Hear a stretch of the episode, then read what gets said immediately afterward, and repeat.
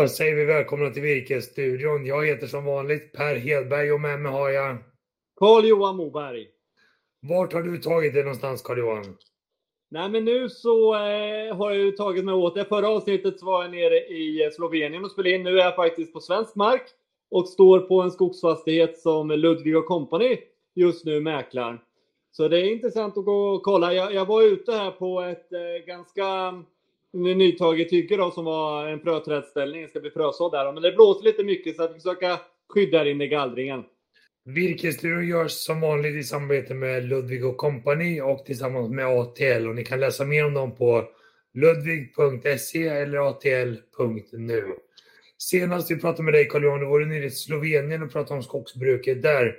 Har du några observationer att bjuda på på hemresan därifrån? Jo, men det har man ju. Det är väl kanske till familjens stora förtret att man hela tiden måste titta på skog och prata med folk om skog och, och bolag man träffar. Men om vi börjar då i Sydtirol, alltså norra Italien, och det vet vi att här är det ju, det är fruktansvärt torrt eller varmt just nu i kontinenten, men här har det varit eh, torrt under flera år. Vi vet att skidbackarna inte kunde öppna på vissa delar för det var för, för lite snö helt enkelt. Eh, men här ser man ju klart och tydligt eh, och vi lägger med en bild här också, den som jag försökt ta på en bergssida, att här är det stora angreppet av granbarkborren. Och man jobbar ju med det, det gör man. Men det ser ju de här bruna fläckarna på bergssidorna där.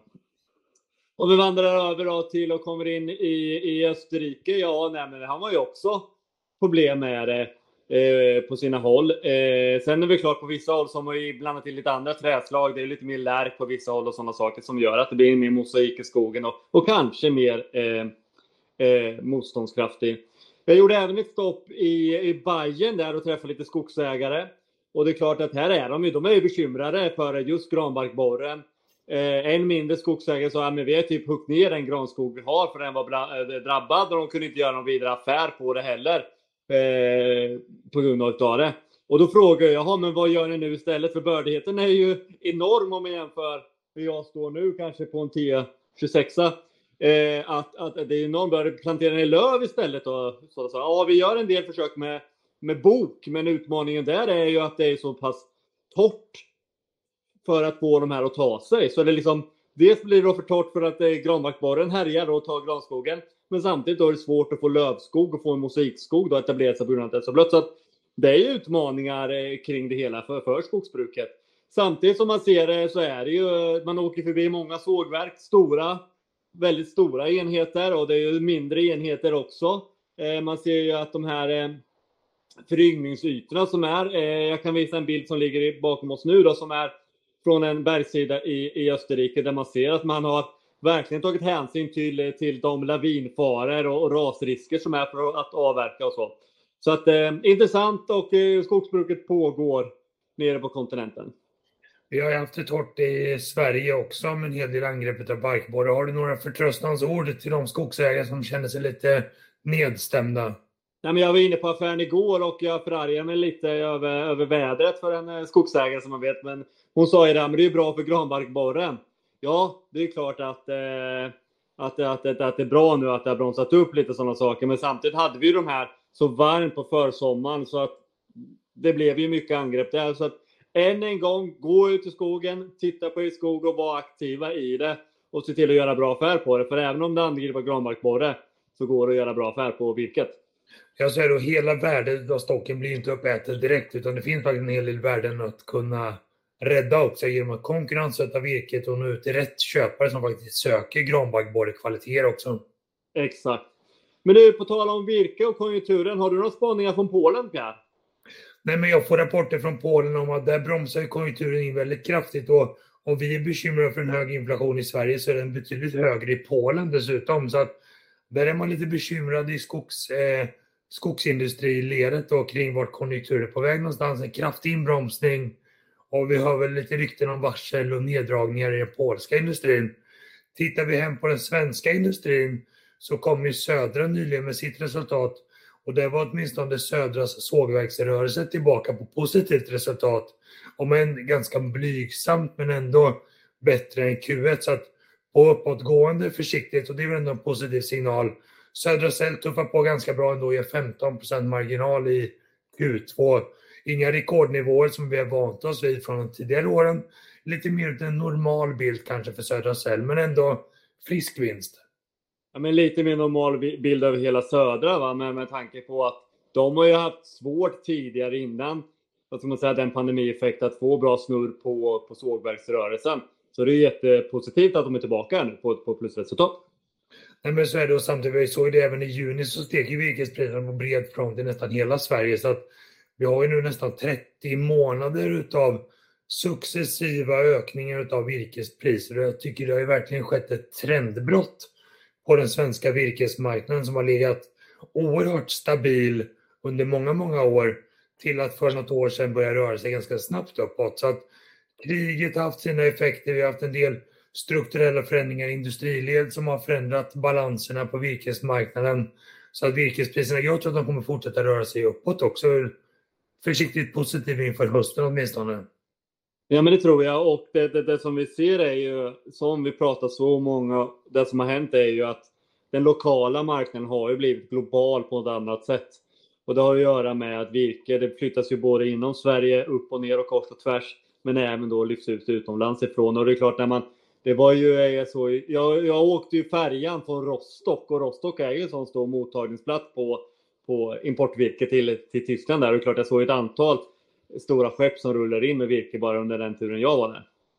Kan vi säga någonting om drivningsförhållanden i skogen, förmågan att få fram virke? Det är väl inte så att man behöver väja för stora blåbär den här säsongen, men är det någonting annat som hindrar avverkningarna?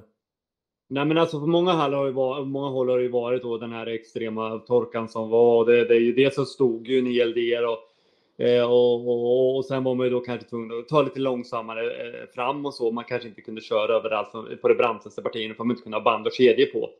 Eh, men som det ser ut nu så tror jag ändå liksom att, att det är ju hyfsade förhållanden. Det är ju lite semesterperiod får vi inte glömma även för maskinförarna för att de kanske också passar på när det var, när det var lite torrare. Eh, men de har ju också semesterresor bokade så att det, det måste ju vara ledighet för dem med.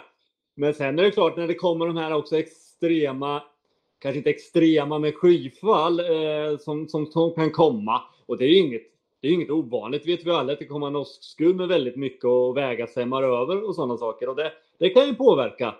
Eh, men dels att det blir svårt att köra med skogsmaskiner, men även då att helt enkelt att väga vägtrummor kan spolas bort. Och då blir det svårt för lastbilarna helt enkelt att ta sig fram och då måste man ju dit med grävmaskin och lägga trummor och nytt grus. Så att det är ju som vanligt med skogen. Det är ingenting liksom som går på en slät produktionslina, utan det kan hända saker hela tiden. Det låter som att det är det konstanta rådet i skogsägare. Gå ut i skogen, titta på skogen, njut av skogen och fundera på de åtgärder som behöver vidtas. Ja, men det tror jag. Så är det ju. Nu måste, man måste ha den långsiktighetstanken i allt man gör också. För att eh, det är klart att jag tror ju på att, som du nämnde innan, att skogs, eller, eh, virkespriset gått upp 30 månader i rad. Alltså nu när vi ser kommer i augusti sågverken håller vi just nu på, eh, fär, underhållsfärgen håller vi på att torka tänkte jag just nu och de kommer att dra igång snart och de behöver råvara. Och då tror jag inte det finns några jättelager uppbyggda vare sig på sågplanen eller i skogen. Så det kommer att bli riv nu i augusti.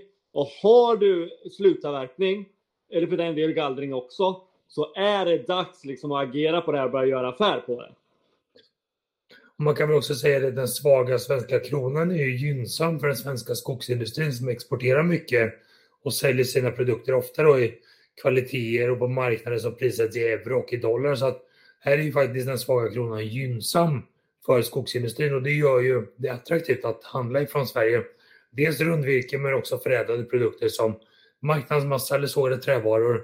Men kanske också för all del energi så småningom. För jag tror att vi ser fram emot en vinter med lite stigande energipriser och stigande efterfrågan åtminstone på energisortiment som grot och brännved fortsatt också.